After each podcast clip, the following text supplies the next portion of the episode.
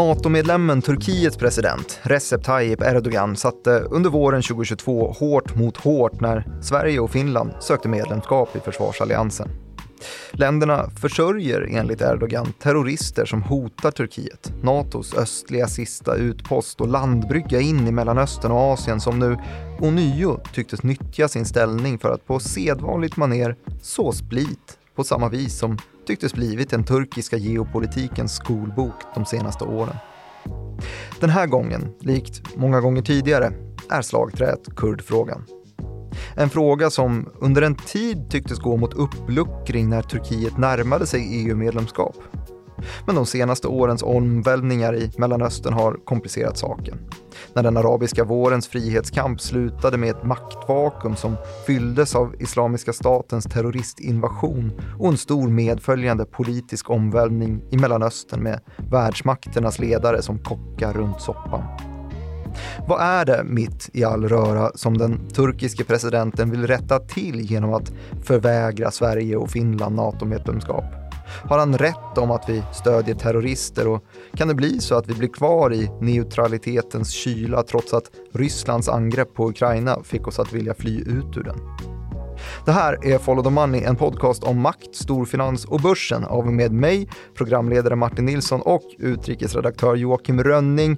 Hur mår du? Bra, idag blir det kurdspår. Ja, vi ska jaga Scaniamannen, eller släppa honom kanske. Skandiamannen menar du?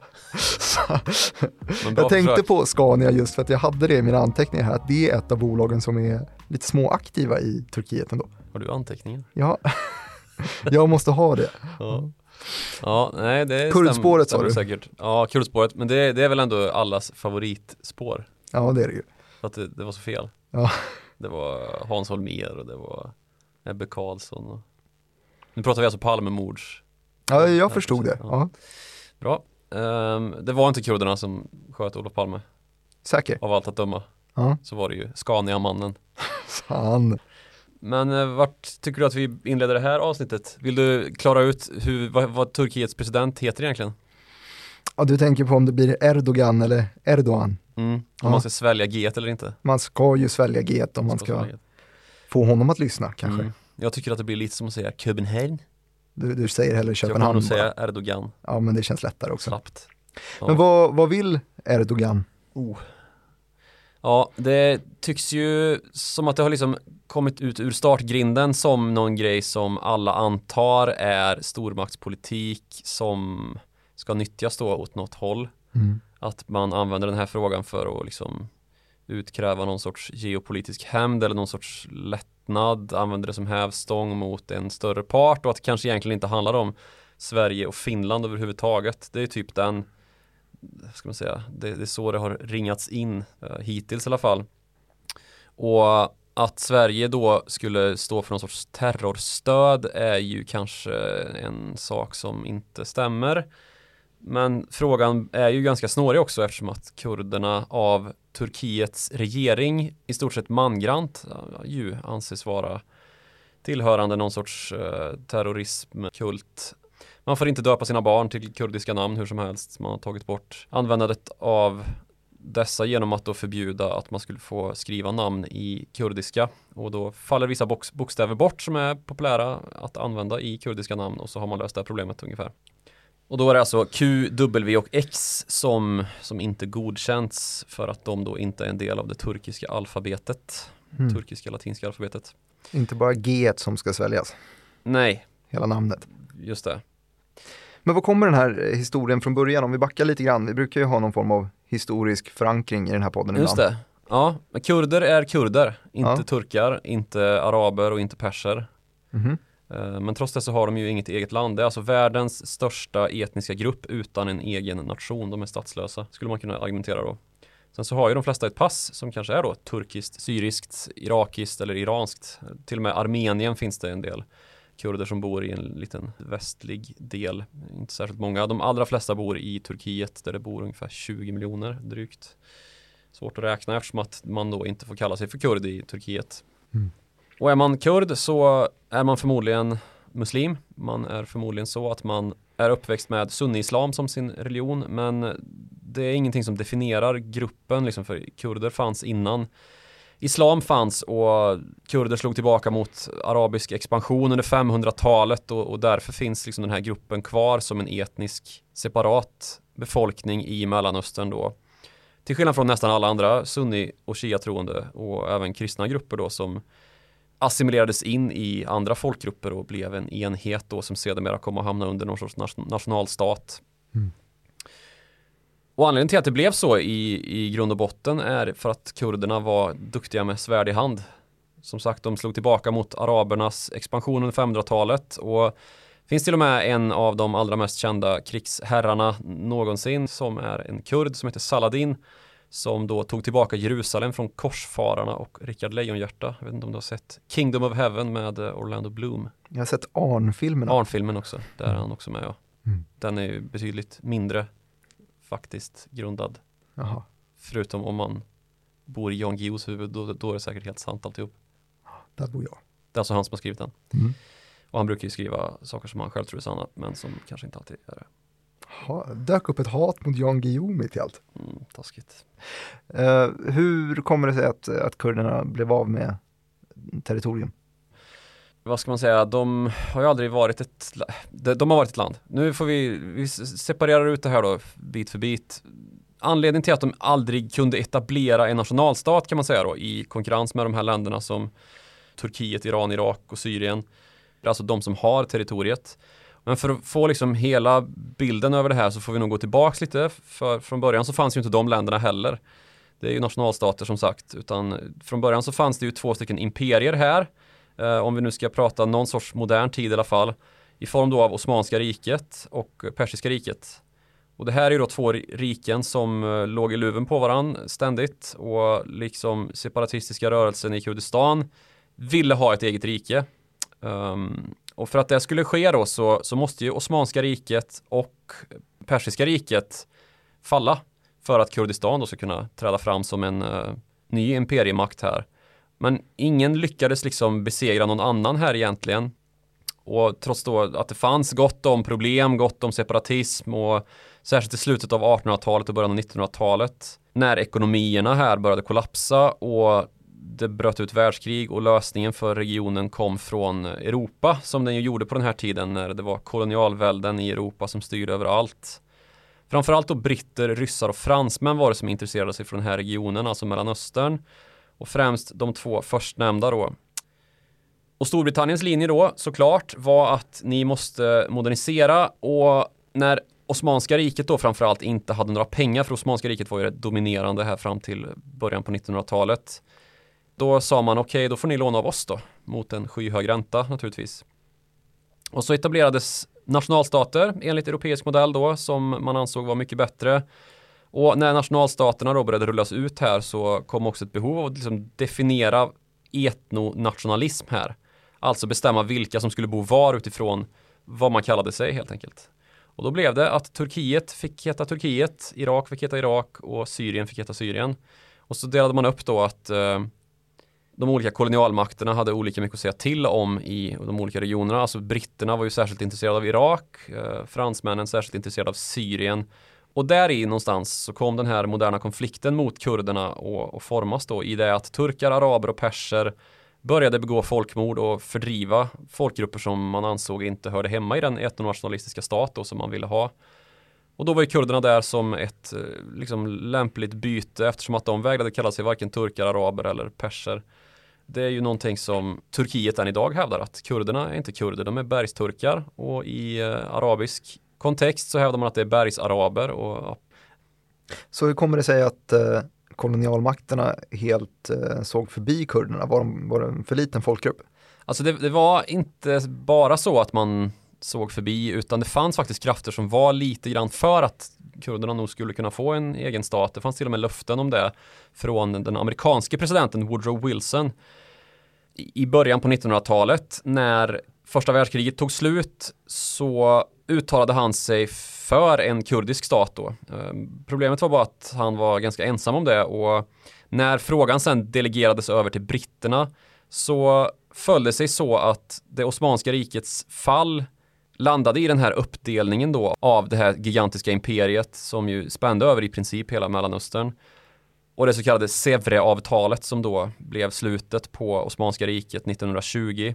Ja, Sevre-avtalet har man hört talas om ändå. Just så? där i, ja, just där i att eh, kurderna ska ha blivit lovad ett land där i. Ja, eh, de skulle ju få ett land men då satte sig då turkarna till motvärn så pass mycket att eh, liksom, det, det gick inte. Och trots att britterna då gett kurderna självstyre så tog Turkiet tillbaka den delen. Vid det laget så var de västerländska makterna så krigströtta efter första världskriget.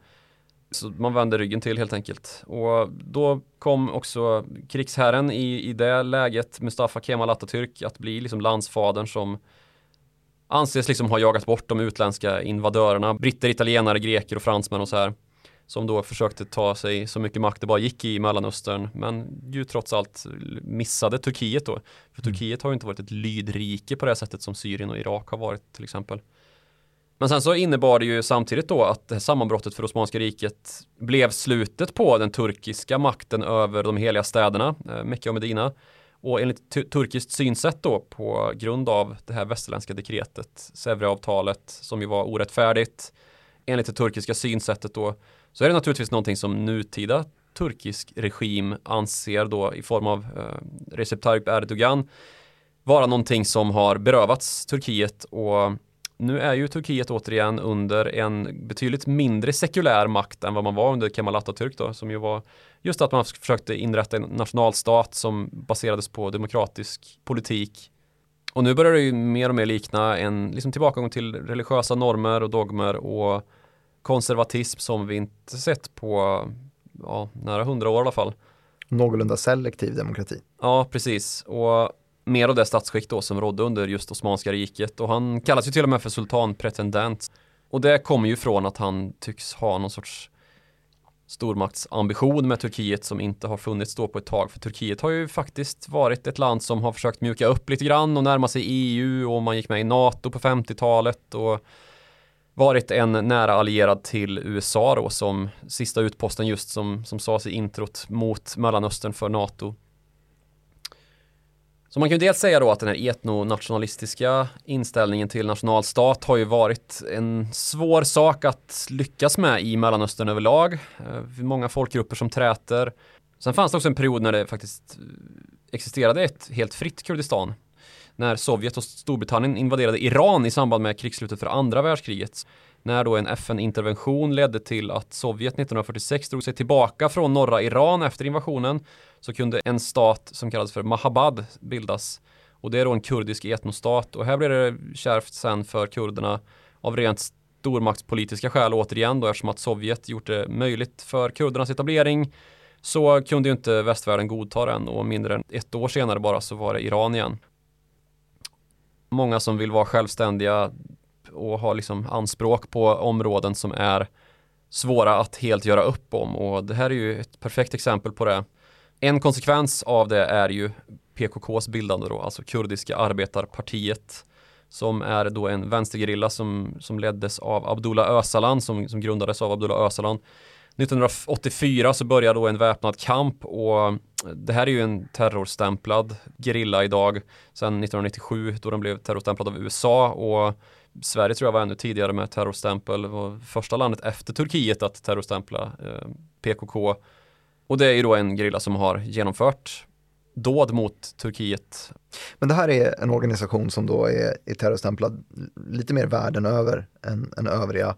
För det finns ju ett par olika förkortningar eh, vad gäller konflikten Turkiet-kurder. Ja, precis. För då, under 2000-talet här så har förtrycket mot kurderna då i den här regionen där de bor, inte bara i Turkiet alltså utan även i Syrien, Irak och Iran då lett till att vi har fått flera rörelser, bland annat YPG som då i Syrien tjänar som en försvarsenhet för folket och det är ju för att vara en styrka som helt enkelt beskyddar folket i grund och botten.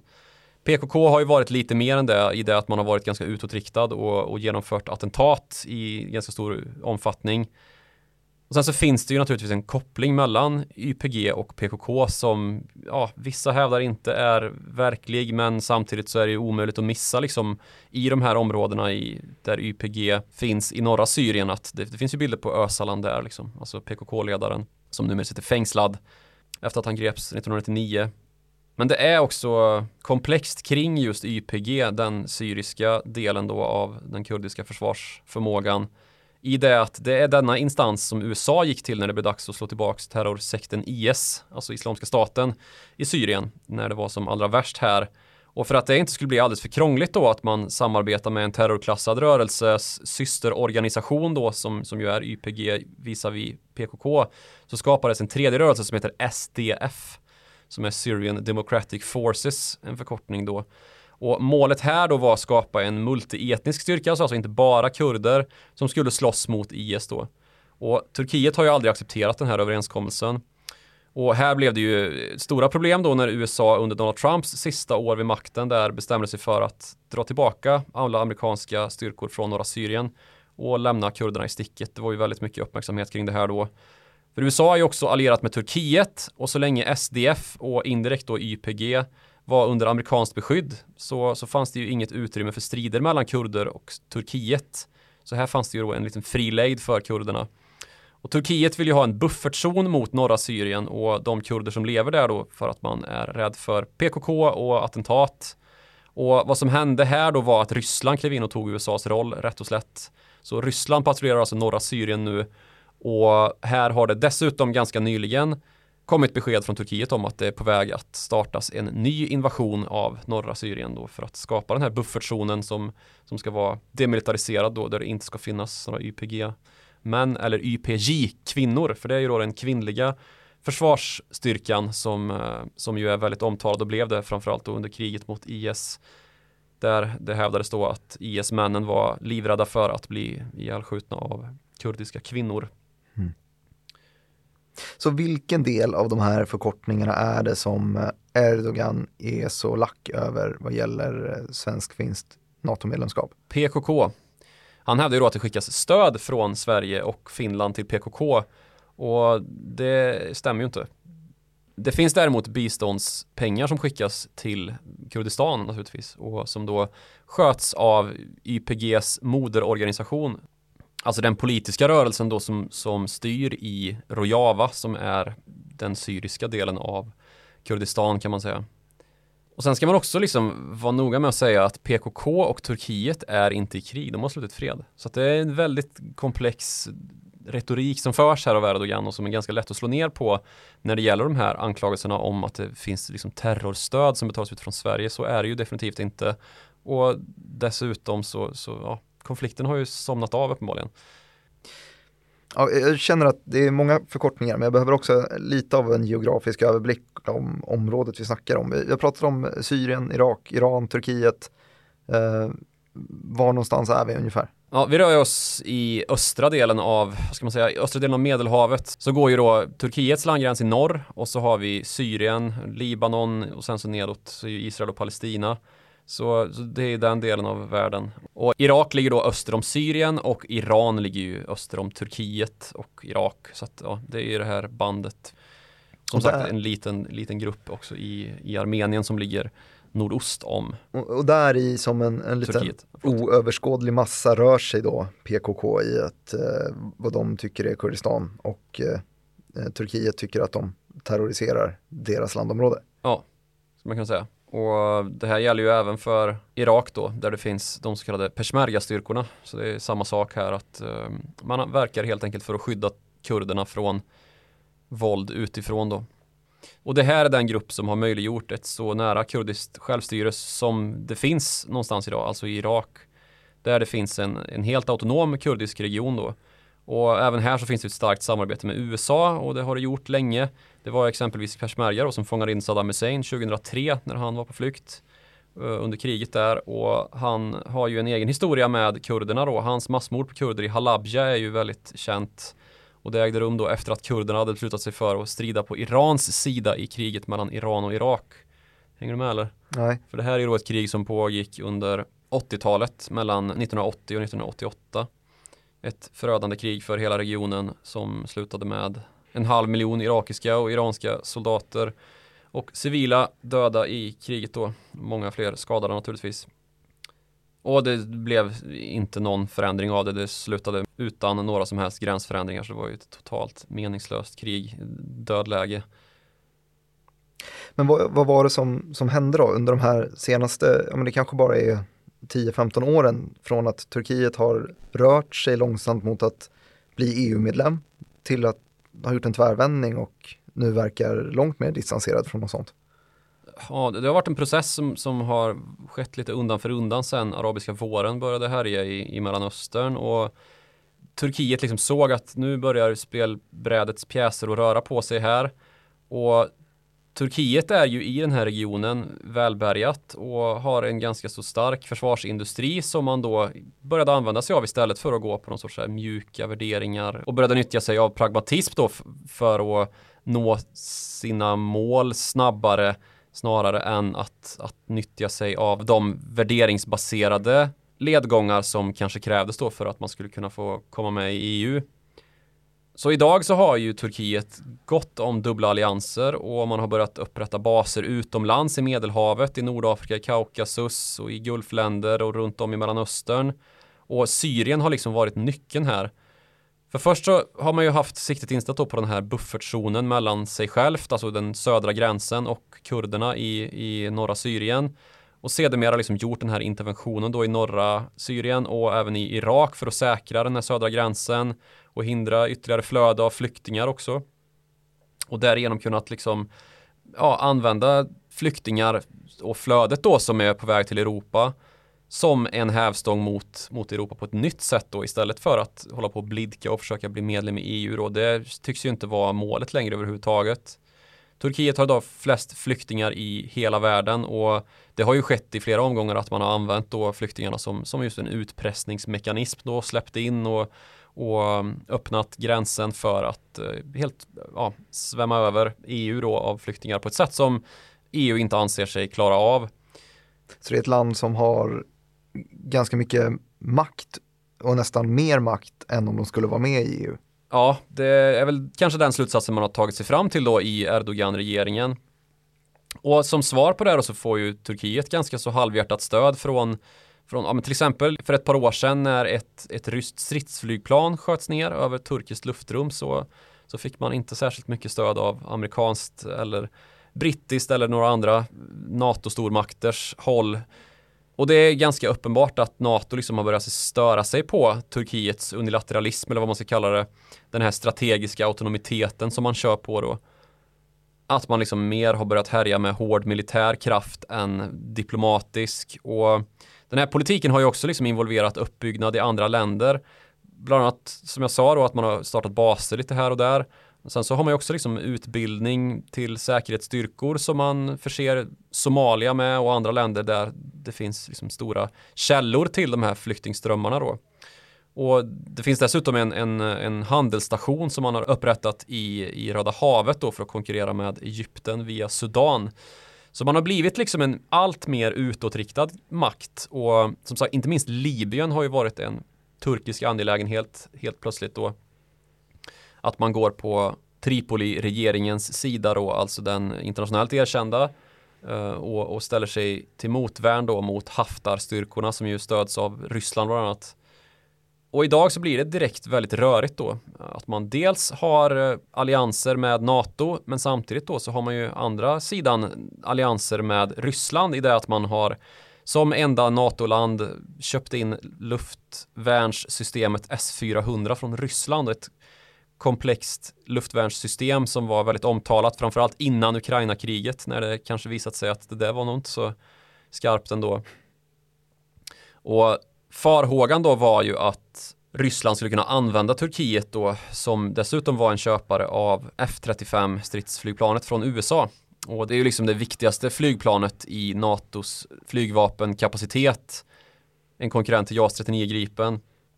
Och då på ett sätt som innebar att det här S400 luftvärnssystemet helt enkelt skulle kunna ta in data då på hur man bäst kan skjuta ner den flygplanstyp som man ju övar med, alltså F35 då i Turkiets fall.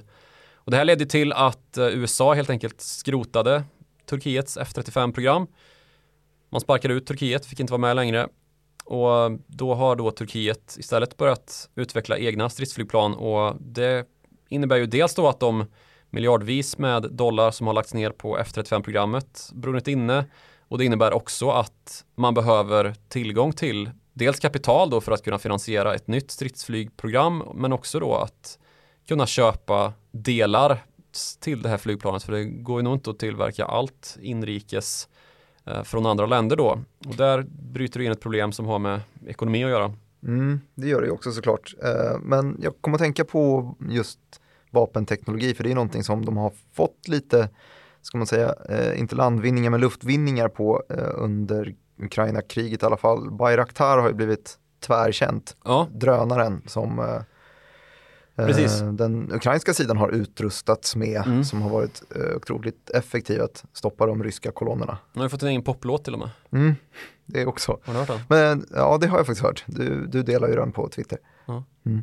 Eh, men det här betyder ju att det kanske finns eh, liten möjlighet i alla fall att man kan utveckla egna flyg. Ja, alltså den turkiska försvarsindustrin har ju gått framåt något oerhört de senaste åren och det här drönarprogrammet då, Bayraktar, har ju varit det absolut mest framgångsrika och så har ju då först och främst faktiskt kriget mellan Azerbajdzjan och Armenien i Nagorno-Karabach blev liksom det första skyltfönstret och sen så har ju Ukraina blivit ytterligare ett då där man skjuter ner dels luftvärnssystem och pansarfordon med de här drönarna som Ryssland hittills i alla fall inte lyckats få ordning på och kunna försvara sig mot Nej, och du var inne på, på ekonomi just och där har vi också svårigheter i Turkiet, även om det är ett gigantiskt land, det är ett G20-land. Det mm. finns mycket pengar i det. I-land. Ja, ja faktiskt till och med det. Uh, men det är också ett land med extrema svårigheter vad gäller inflation om inte annat. Ja. I, under april så läste jag att uh, inflationen nådde ungefär 70% i årstakt. Uh, Stabilt väldigt eh, instabilt. Liran är ner med 40% typ på ett år. På fem år är den ner med 80, över 80% mot dollar då. Det gör det ju såklart svårt att köpa in militärt materiel också. Ja, särskilt så högteknologiskt skit som kommer från USA för allra mm. mesta, eller som i alla fall handlas i dollar. Eh, blir väldigt dyrt ja, och det är ju också kanske, eller antagligen ett eh, ett inhemskt problem där man har haft problem att rekrytera en, eh, en duktig centralbanks Eh, styrelse. Mm. Ehm, där har man ju haft den här udda synen på hur inflation ska bekämpas när resten av världen tycker att man kan höja räntor för att stoppa inflation men Turkiet har gått andra vägen istället och det har inte gett önskad effekt. Det här kan man höra allt om i ett avsnitt som heter 93, Erdoganomics. Just det. Eller hur skulle du kalla det? Erdoganomics. Just det. Ja. ja. Du, hur ser det i övrigt om vi fortsätter in på ekonomispåret här? Vad, vad har de för tillgångar Turkiet? Ja, pragmatismen som sagt, den går ju igen även i ekonomin nu och det tycks ju lite grann som att Erdogan börjar bli allt mer desperat här i och med att han bråkar med allt och alla nu och en sån viktig tvistepunkt för Erdogan som han kan utnyttja just nu är gas. Mm. För det går tre feta gasledningar genom Turkiet inte bara Turkstream som går från Ryssland utan också den transanatoliska naturgasledningen, TANAP som den kallas, och, den transadriatiska ledningen. Och de här förser ju alla då Europa med gas och nu jobbar man dessutom på att eh, exploatera egna gastillgångar nära Cypern och här har ju tvistats Ja, det är ju obra ur diplomatiska hänseenden att göra det eftersom att det, det, där har det också varit krig för inte jättelänge sedan. Och det här är ju dessutom i tvist med Grekland, Libanon, Israel och Egypten och andra i det här området som inte alltid har eller har haft ett gott öga till Turkiet. Och det här gör man ju liksom för att försvara sig mot en annan planerad gasledning som då ska gå in i Europa från Medelhavet i ett projekt där de här nämnda länderna då, bland annat Grekland och Cypern har gått ihop och det kan ju Turkiet inte tillåta hur som helst då, så då ställer man till med bråk och försöker utvidga sin intressesfär, säga att nej men det här, det här vattnet är nog vårt egentligen. Och där vet vi också, det har alltid funnits en liksom skarp gräns mellan Grekland och Turkiet och det har varit oroligt i, i många vändor genom historien. Men utöver energiinfrastruktur som kom genom ja. pipelines då så har de väl också Eh, vatten. Ja, precis. Det här med gasen är ju lite nyare teknik som, som Erdogan nyttjar sig av. Um, utöver flyktingar då som sagt så finns ju också vattnet. Och vattnet i Mellanöstern det är ju de två floderna i princip, Eufrat och Tigris. Båda de två floderna har ju sin källa i Turkiet. Och båda floderna rinner dessutom genom Kurdistan, alltså sydöstra Turkiet. Och samtidigt då som Turkiet, olikt många av sina grannländer i Mellanöstern har särskilt stora oljetillgångar så har man ju då istället vattnet. För det här är ju två floder som är helt avgörande för att man ska kunna föda och göda Mellanöstern med bröd. Och det man har gjort då är ju att bygga dammar i Eufrat och Tigris vilket helt och hållet nästan kan reglera vattenflödet då till grannländerna, särskilt Irak och Syrien. Och här uppstår det inte sällan konflikt då. Ehm, och det här är ju också en situation då när vattnet har blivit ett sånt viktigt maktmedel för Turkiet visar vi sina grannländer.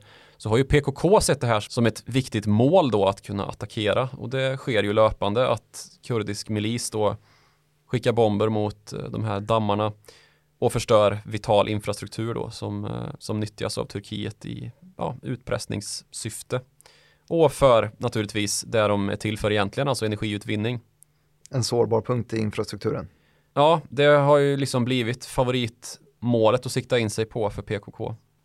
Men utöver det, om vi kollar på den lite breda ekonomin, så jag, jag råkade ju säga Scania när det skulle vara Skandia här i inledningen av avsnittet. Scaniamannen. Scaniamannen. Ta med mig det. Mm, det är ju ett land som har ganska mycket business med, med Sverige och resten av världen. Eh, stor del export från svenskt håll som landar där. Oh. Vi snackar typ pappersmassa, läkemedel, elektronik, telekom är ju känt om inte annat. Med Turk Telekom. Turk Telekom, Turkcell va.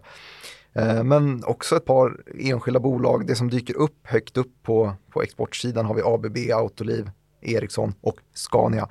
Även vet jag Securitas har väl lite intresse där, det är väl kanske en väldigt liten del av deras omsättning men de köpte en stor turkisk motsvarighet till deras verksamhet för 100 miljoner här för något år sedan. Så att det finns ju eh, många kopplingar i alla fall eh, i ett händelseförlopp där det skulle bli eh, handelsbekymmer mellan Sverige och Turkiet. Ja, och sen så har vi ju en jävla massa turism framförallt. Det skulle kanske bli jättejobbigt om det visade sig att den turkiska partyorterna blir stängda. för svenskar i alla fall.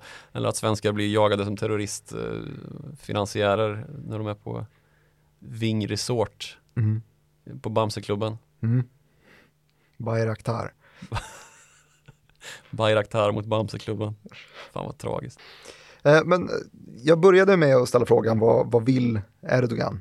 Mm. Vi, ja, vi, har inte, vi har inte kommit fram till någonting. Har vi inte? Nej, men jag tänker så här att det finns ju en del spår av då vad vi har sagt allt det här, vad som han egentligen kanske vill. Och det skulle ju kunna vara då ekonomin som går riktigt illa. Han behöver stöd helt enkelt. Mm. Uh, liran är kaputt, importen blir allt svårare för den här nydanade försvarsindustrin.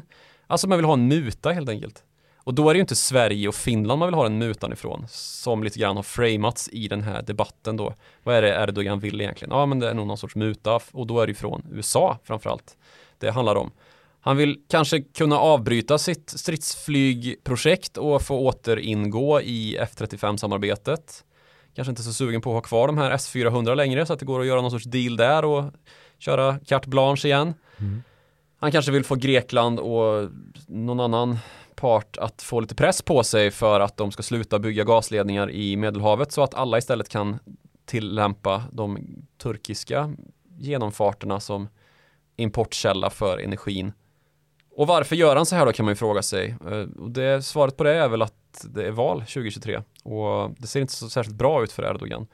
Det var ju regionalval här 2019 och då åkte ju AKP, alltså hans konservativa parti, Erdogans konservativa parti på rejält med stryk i en del regioner som man inte hade räknat med och bland annat Istanbul där man förlorade borgmästaren till då istället sekulära CHP.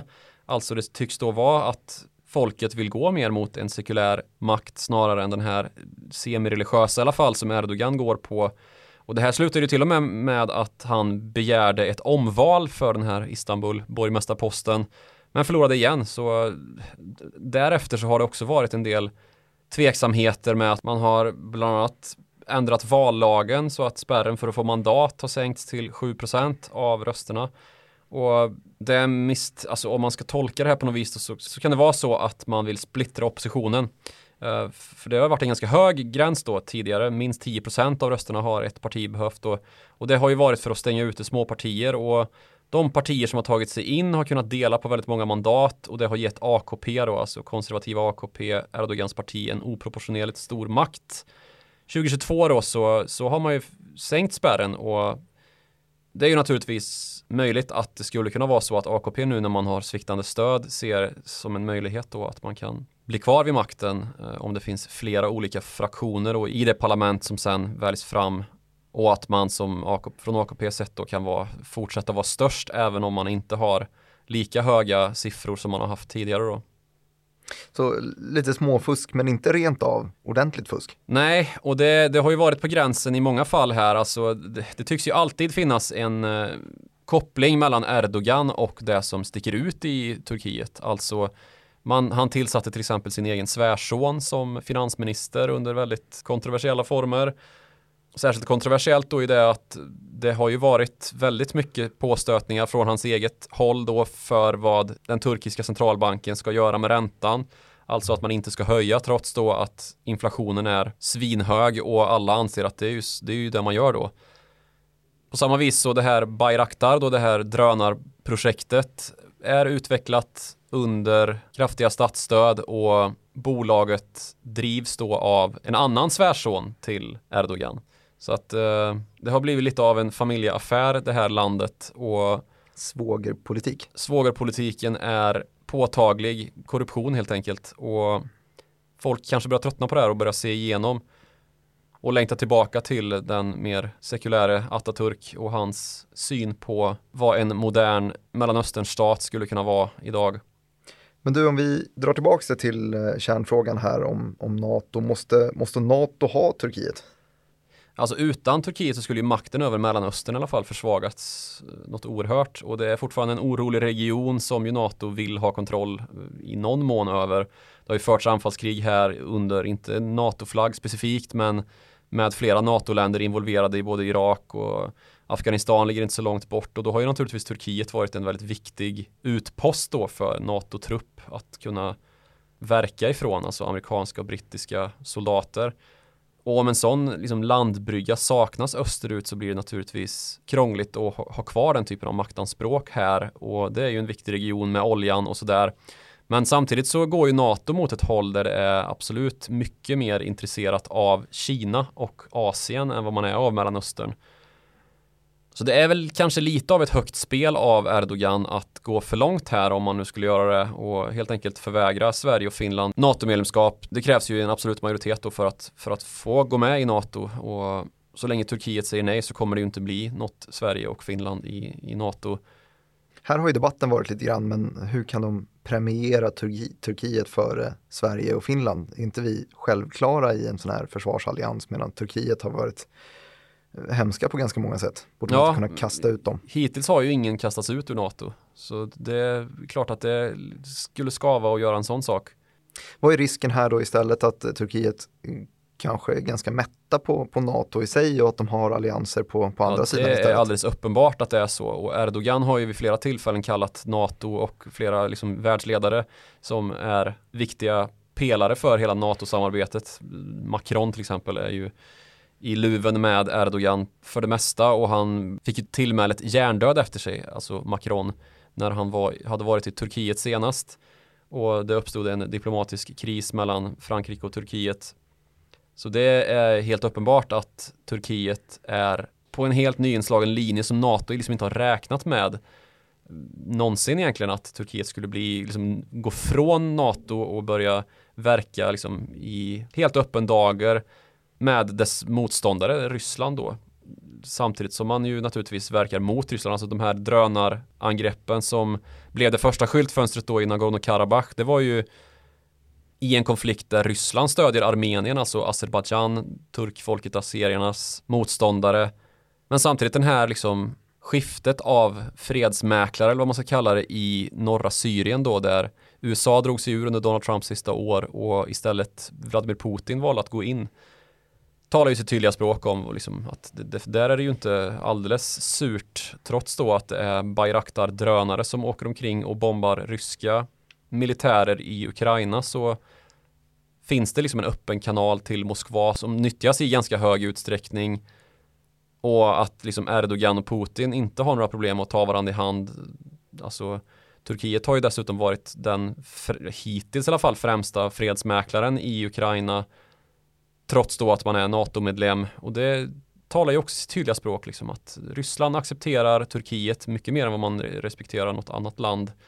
En framgångsrikt hal jäkel. Ja, enkelt. det har blivit väldigt halt här i den här regionen och det kanske liksom går att hitta anledningen till varför det har blivit så i Turkiets ganska så utsatta position då, att man ligger där man ligger. Man har Bosporen, man är omgiven av oroliga länder både öster och söderut och till väster då så har man hela Europa öppet för sig.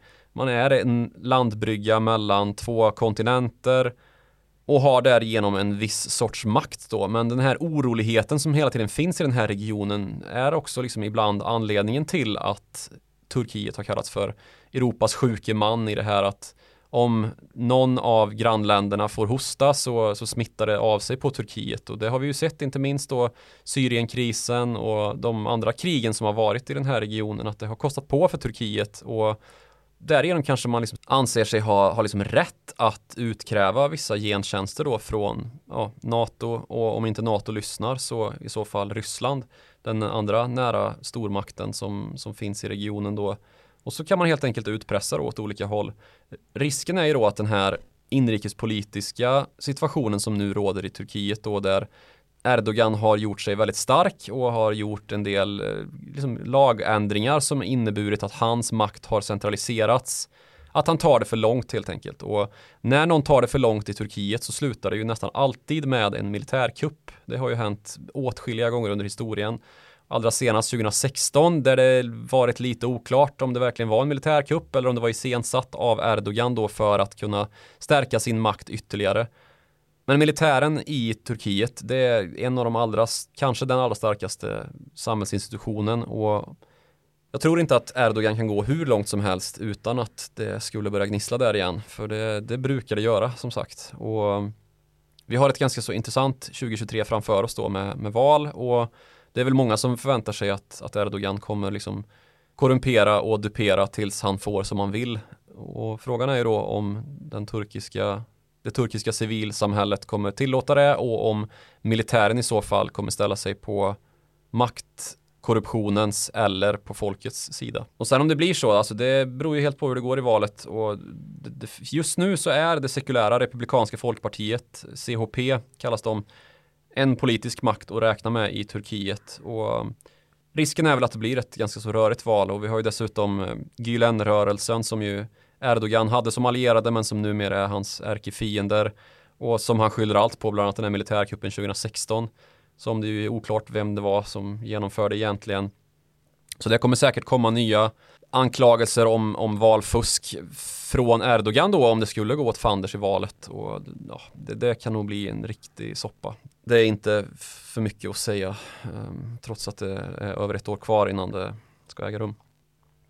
Vi började det här avsnittet med kurdspåret så finns det någon del i det här politiska spelet som kommer ta plats 2023 som kommer göra det lättare för kurderna och kanske därigenom också göra det lättare för Sverige och Finland att kliva med i NATO.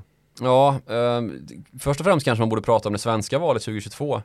För det skulle ju kunna bli avsevärt underlättande då i fråga om de här politikerna som som Erdogan kräver ska utlämnas. Alltså han kommer ju inte ha någon anledning att kräva att Amina Kakabaveh lämnas ut om hon nu skulle försvinna som, som riksdagspolitiker. Det blir svårt att, att liksom hävda hennes väsentlighet om hon då som nu dessutom är politisk vilde ju om hon skulle försvinna vilket väl är rimligt i nuläget.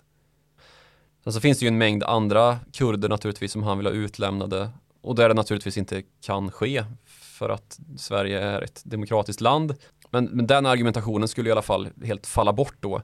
Sen vad det gäller det turkiska valet så allt som skulle bidra till ett mer sekulärt politiskt klimat i Turkiet skulle ju eventuellt kunna underlätta för en återgång till det som vi tidigare brukade kalla för normalen i fråga om Turkiets utrikespolitik då.